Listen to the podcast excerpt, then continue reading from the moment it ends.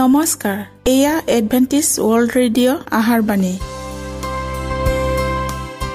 ঊনৈছ মিটাৰ বেণ্ডত পোন্ধৰ হাজাৰ পাঁচশ পঞ্চাছ কিলো হাজত।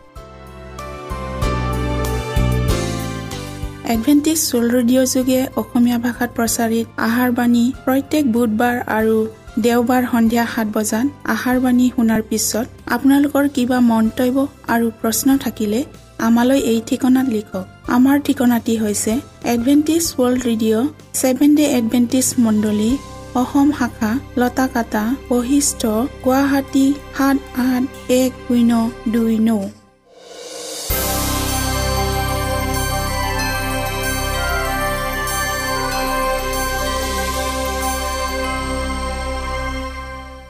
প্ৰিয় শ্ৰোতা বন্ধুসকল এতিয়া শুনো আহক এটি খ্ৰীষ্টীয় ধৰ্মীয় গীত।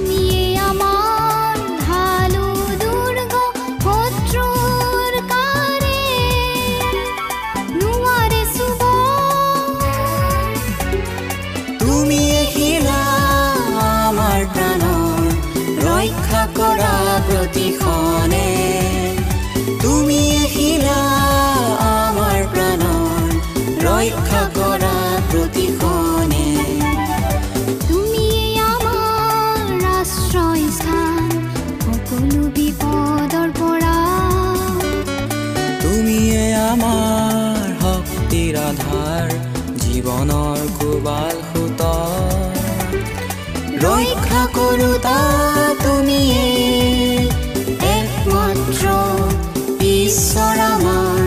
ৰক্ষা কৰোতা তুমি একমাত্ৰ ঈশ্বৰ আমাৰ। তুমিয়ে আমাৰ আশ্ৰয়স্থান সকলো বিপদৰ পৰা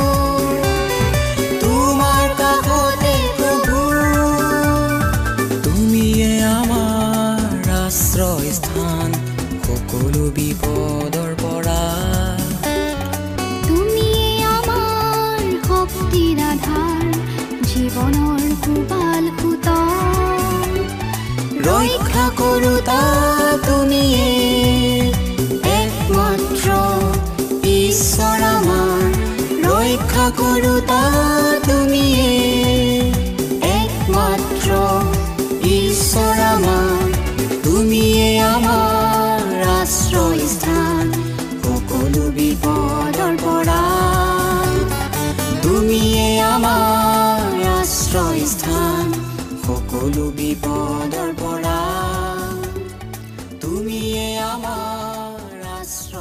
প্ৰিয় শ্ৰোতা বন্ধুসকল আহক আমি খন্তেক সময় বাইবেল অধ্যয়ন কৰোঁ হওক।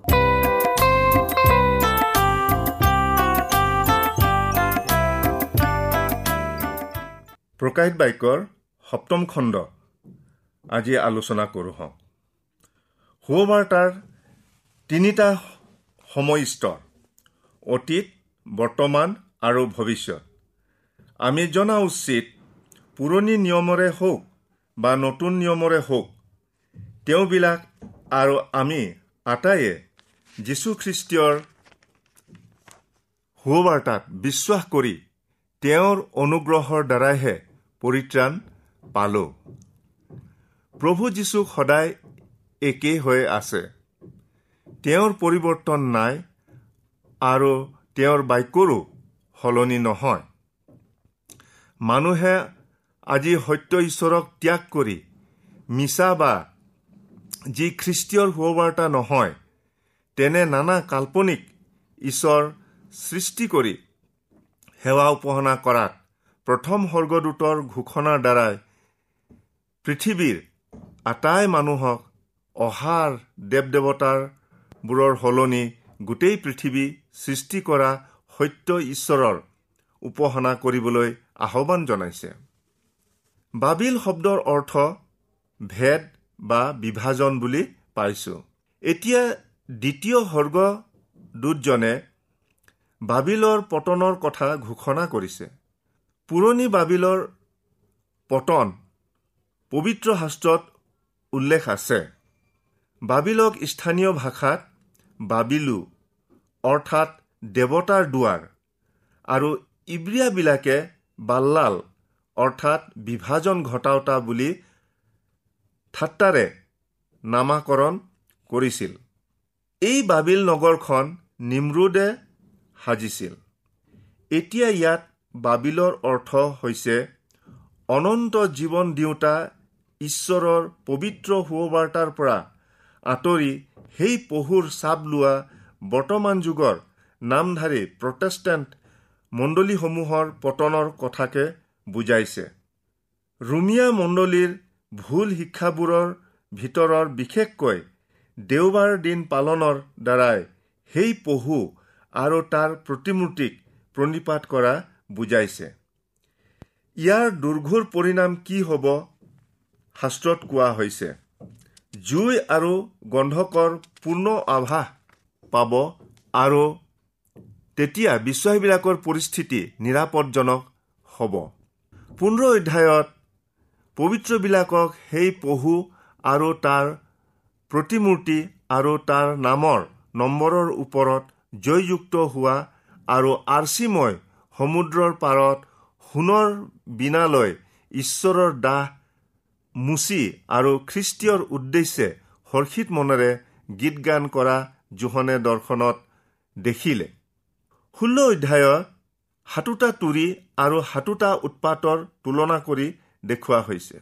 এতিয়া ঈশ্বৰে তেওঁৰ মহাপৰাক্ৰম কাৰ্য সিদ্ধ কৰিবলৈ প্ৰস্তুত হ'ল। তেওঁ পাপীবিলাকক সমূলি বিনষ্ট কৰি পেলাব। আজিৰ অনেক জ্ঞানী বাইবেল শিক্ষকে প্ৰকাশিত বাক্যখনত লিখা কথাবোৰ বুজি নাপায়। পবিত্ৰ বাইবেল শাস্ত্ৰৰ আটাইকেইখন পুস্তক এই প্ৰকাশিত বাক্যতে থোপ খাই আছে।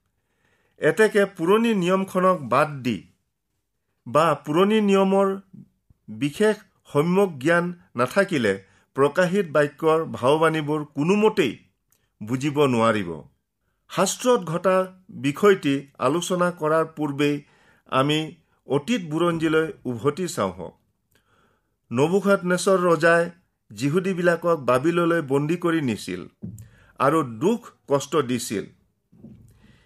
ইউফ্ৰেটিছ বা ফৰাত নদীৰ ওপৰত বাবিল ৰাজ্য অৱস্থিত আছিল। ঈশ্বৰে যিহুদীবিলাকৰ বন্দী অৱস্থাৰ পৰিৱৰ্তন ঘটাবলৈ পূব দেশৰ কুৰছ নামৰ এজন ৰজাক যাক ঈশ্বৰে মোৰ মনোনীত ৰখীয়া বুলি কৈছিল তেওঁক মনোনীত কৰিছিল। সেই কুৰছ ৰজাই একে নিশাতে খাল খান্দি ইউফ্ৰেটিছ নদীখনৰ সোঁত সেই খালেদি বোৱাই মূল সুঁতি শুকুৱাই বাবিল ৰাজ্যৰ পতন ঘটালে। আৰু বন্দী যিহুদীবিলাকক স্বদেশ জিৰচালেমলৈ প্ৰত্যাৱৰ্তনৰ আদেশ দিলে। এই পূব ফালৰ কুৰছ ৰজাই খ্ৰীষ্টীয়ৰ তুলনা স্বৰূপ কাৰণ শেষৰ দিনা ঈশ্বৰে তেওঁৰ নিজ লোকবিলাকক ছয়তানৰ বন্ধনৰ পৰা উদ্ধাৰৰ অৰ্থে তেওঁৰ মনোনীত দাস খ্ৰীষ্টীয় পূব ফালৰ পৰাই আহিব।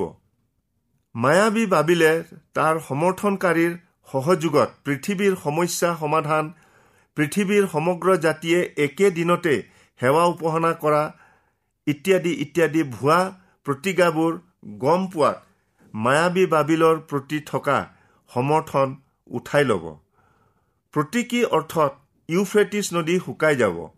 তেতিয়া ছয়তানে তাৰ আন এটা কুবুদ্ধিৰে পুনৰাই মানুহৰ মন সমৰ্থন সহযোগ পাবলৈ চেষ্টা কৰিব।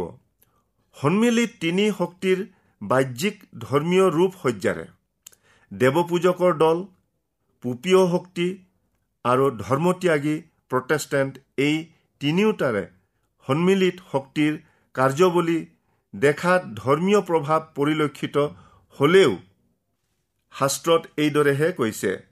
নাগ অৰ্থাৎ ছয়তান। পহু পুপীয় ক্ষমতা আৰু ভাৰী খোৱা ভাওবাদী। স্বধৰ্ম ত্যাগী বা নামধাৰী খ্ৰীষ্টিয়ান দলসমূহ। এই তিনিওটাৰ মুখৰ পৰা বেঙৰ সদৃশ তিনিটা অহুচি আত্মা ওলাল।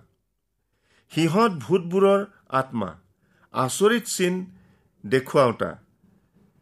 জগতৰ ৰজাবিলাকক ঈশ্বৰৰ সেই মহাদিনৰ যুদ্ধলৈ গোট খুৱাই যুগুত কৰালে। আৰু নাগে অৰ্থাৎ ছয়তানে দেৱপূজাৰ তন্ত্ৰ মন্ত্ৰ পুপীয় মণ্ডলী আৰু নকল খ্ৰীষ্টীয় দলসমূহৰ যোগেদি মিছা আত্মিক বৰ পৰাক্ৰম আদিৰে মানুহক চমক লগালে। হৰ্মগিদন বোলা এখন ঠাইত তেওঁলোকক গোট খোৱালে। আমি হাৰ্মাগিদোন বিষয়ে কি জানো? প্ৰকৃততে দুটা ইব্ৰীয় শব্দৰে গঠিত এই নাম। ইব্ৰী ভাষাত হৰ শব্দৰ অৰ্থ পাহাৰ আৰু মেগিদ্দ শব্দৰ অৰ্থ হত্যা অৰ্থাৎ হত্যাৰ পাহাৰ। পুৰণি নিয়মৰ বিচাৰকৰ্তা পুস্তকৰ পাঁচ অধ্যায়ত হৰ্মগিদনৰ যুদ্ধৰ বিষয়ে পোৱা যায়। উল্লেখ আছে যে ইয়াৰ সমথলতে দেৱপূজক বা বিধৰ্মী দল আৰু ইছৰাইলবিলাকৰ অৰ্থাৎ আনহাতে প্ৰকৃতাৰ্থত ক'বলৈ গ'লে সত্য আৰু অসত্যৰ প্ৰথম যুদ্ধখন ইয়াতেই হৈছিল। এই হত্যাৰ পাহাৰতেই যুদ্ধ কৰিবৰ কাৰণে পৃথিৱীৰ ৰজাসকলক গোটোৱা হ'ল। এতিয়া এই ৰজাবিলাকে গোট খাই কাৰ বিৰুদ্ধে যুদ্ধ কৰিব? ইয়াৰ উত্তৰ এইদৰে পোৱা যায়। তেওঁবিলাকে মেৰ পোৱালীৰ সৈতে যুদ্ধ কৰিব আৰু তেওঁৰ লগত থকাবিলাককো আমন্ত্ৰিত মনোনীত আৰু বিশ্বাসী। আকৌ প্ৰশ্ন হয় এই মেৰ পোৱালীয়েই বা কোন? ইয়াৰো উত্তৰ পোৱা যায়। পাছে মই চাই দেখিলো সেই মেৰ পোৱালী চিউন পৰ্বতৰ ওপৰত থিয় হৈ আছিল। সেই মেৰ পোৱালীয়েই যীশুখ্ৰীষ্টীয় আৰু চিউন পৰ্বতেই পবিত্ৰ আৰু সত্যমণ্ডলী। এতিয়া এই গোট খোৱা ৰজাবিলাকেই হৰ্মাগিদনত বা হত্যাৰ পাহাৰত পূব ফালৰ পৰা অহা যীশুখ্ৰীষ্টীয় আৰু তেওঁৰ সত্যমণ্ডলীৰ বিশ্বাসী অনুগামীসকলৰ বিৰুদ্ধে যুদ্ধ কৰিব। ইয়াতে আমি এতিয়া দুটা পাহাৰৰ ছবি দেখিবলৈ পাইছোঁ। এই দুটা পাহাৰেই অৰ্থাৎ চিউন পাহাৰ আৰু হাৰ্মাগিদুন পাহাৰেই যুদ্ধৰ কাৰণে গোট খোৱা দুটা দলক বুজায়। ঈশ্বৰৰ পবিত্ৰ আৰু সত্যমণ্ডলী আৰু দেওবৰীয়া বাবিল মণ্ডলীসমূহ। এই দুয়োটা দলকেই দুটা ভাগত সেৱা উপাসনা কৰা দেখুৱাইছে। চিউন পাহাৰেই ঈশ্বৰৰ আজ্ঞা আৰু বিশ্ৰামবাৰ পালনকাৰী দল। আৰু বাবিল মণ্ডলীয়েই ঈশ্বৰৰ আজ্ঞাৰ বিৰুদ্ধকাৰী দেওবাৰ পালনকাৰীৰ দল। এই দুটা দলৰ মাজতহে সঁচা মিছাৰ যুদ্ধখন হ'ব।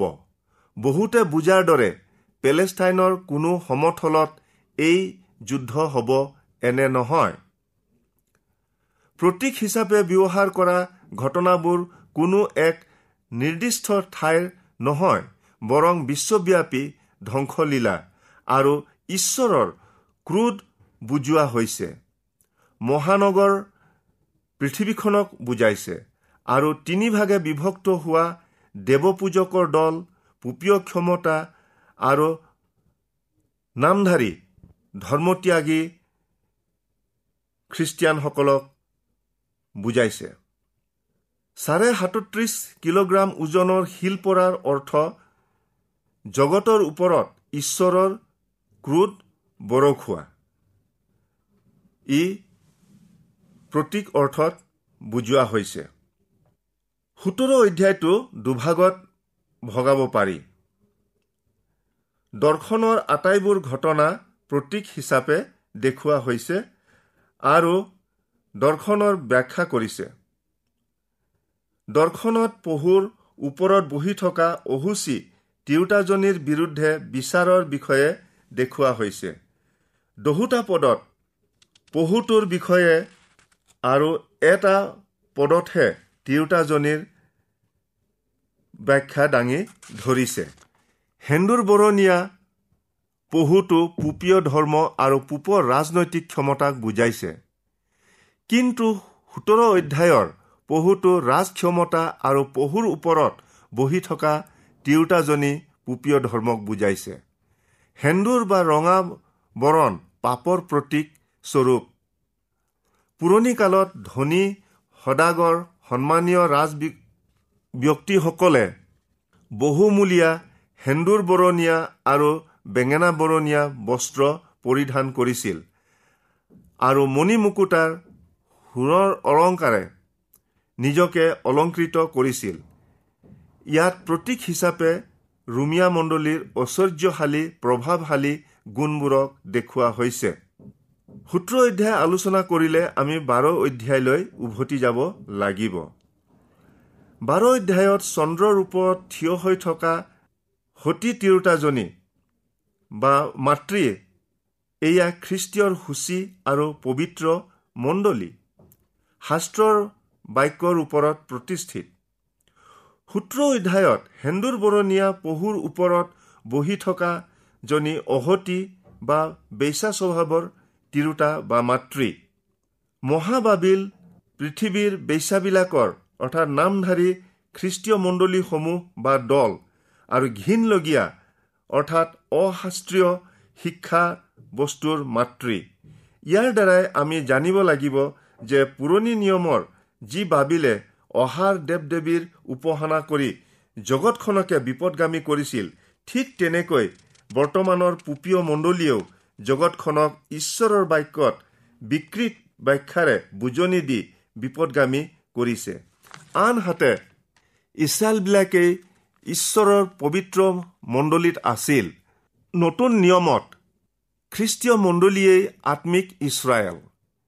ঈশ্বৰে পৌলৰ যোগেদি কোৱাইছে যে আৰু তোমালোকে যদি খ্ৰীষ্টীয়ৰ হোৱা তেন্তে তোমালোক আব্ৰাহামৰ বংশ আৰু প্ৰতিজ্ঞাৰ দৰে উত্তৰাধিকাৰী। এতেকে বাৰ অধ্যায়ৰ সতী মাতৃগৰাকী আত্মিক ইছৰাইলক বুজাইছে অৰ্থাৎ খ্ৰীষ্টীয়ৰ অনুগামীসকলেই আত্মিক ইছৰাইল। পুনৰাই ঈশ্বৰে কৈছে কিয়নো বাহিৰে যি যিহুদী তেওঁ যিহুদী নহয়। কিন্তু যিজন ভিতৰে যিহুদী তেওঁহে যিহুদী হয়। বাবিল মূৰ্তি পূজা ওপৰ পুৰুষসকলৰ সেৱা ভক্তি সূৰ্য পূজা ইত্যাদিৰ কেন্দ্ৰস্থল আছিল। সেয়ে তেতিয়াৰ দিনৰ খ্ৰীষ্টিয়ানসকলে ৰোম নগৰকো ঠাট্টাৰ সুৰত বাবিল নাম দিছিল। ইয়াক বুজিবলৈ জ্ঞান থকা মন লাগে। সেই সাতোটা মূৰেই সাতোটা পৰ্বত। সেইবোৰৰ ওপৰত সেই তিৰোতা বহি আছে আৰু সেইবোৰৰ সাতজন ৰজাও। এতিয়া বিশ্বৰ ভিতৰত একেলগে সাতোটা বা সাতখন পৰ্বত থকা একমাত্ৰ দেশ হ'ল ৰোম। পতীত হোৱা পাঁচজন ৰজা হ'ল মিছৰ অচুৰীয়া বাবিল পাৰস্য আৰু গ্ৰীচ। ৰোম ৰাজ্য জোহনৰ দিনত তেতিয়াও শাসন কৰি আছিল কাৰণে এজন বৰ্তমান আছে বুলি কৈছিল। ইয়াৰ পাছত পুপীয় ক্ষমতা আৰু আন এক নতুন ৰূপত পুপীয় ক্ষমতা বিস্তাৰ হ'ব। কিন্তু তাৰো পতন হ'ব।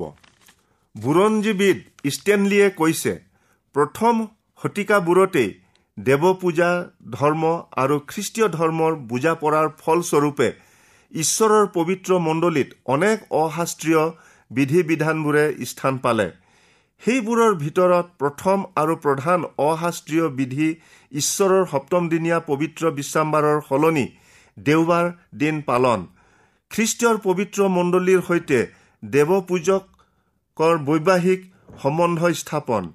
তেওঁ আৰু কৈছে কণ্টেষ্টাইনে তেওঁৰ শাসনকালত প্ৰচলন কৰা মুদ্ৰাবোৰৰ এপিঠিত খ্ৰীষ্টীয়ৰ নাম বা চাব আৰু আনটো পিঠিত সূৰ্য দেৱতাৰ চাব আছিল। এনেবোৰ কাৰ্যক খ্ৰীষ্টীয়ৰ পবিত্ৰ মণ্ডলী আৰু দেৱপূজা ধৰ্মৰ বৈবাহিক মিলন নুবুলি আৰু কি বুলিব পাৰি? প্ৰকৃতাৰ্থত কণ্টেষ্টাইন এজন প্ৰকৃত খ্ৰীষ্টিয়ান নাছিল।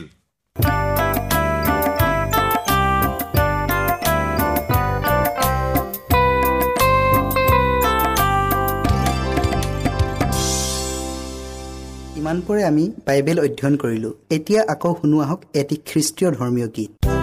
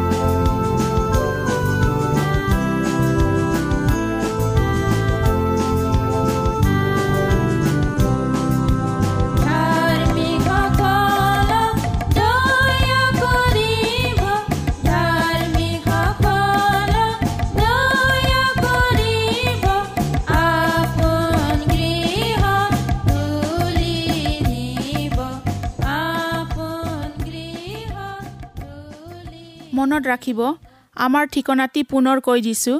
Adventist world radio' Assam region of seven day Adventist voice of hope Latakata Basistha Guwahati seven eight one zero' two nine প্ৰিয় শ্ৰোতা বন্ধুসকল এডভেণ্টিজ ৱৰ্ল্ড ৰেডিঅ' যোগে আহাৰবাণী প্ৰচাৰত আপোনালোকক পুনৰ লগ পোৱাৰ আহাৰে আজিলৈ সামৰিলোঁ। ধন্যবাদ।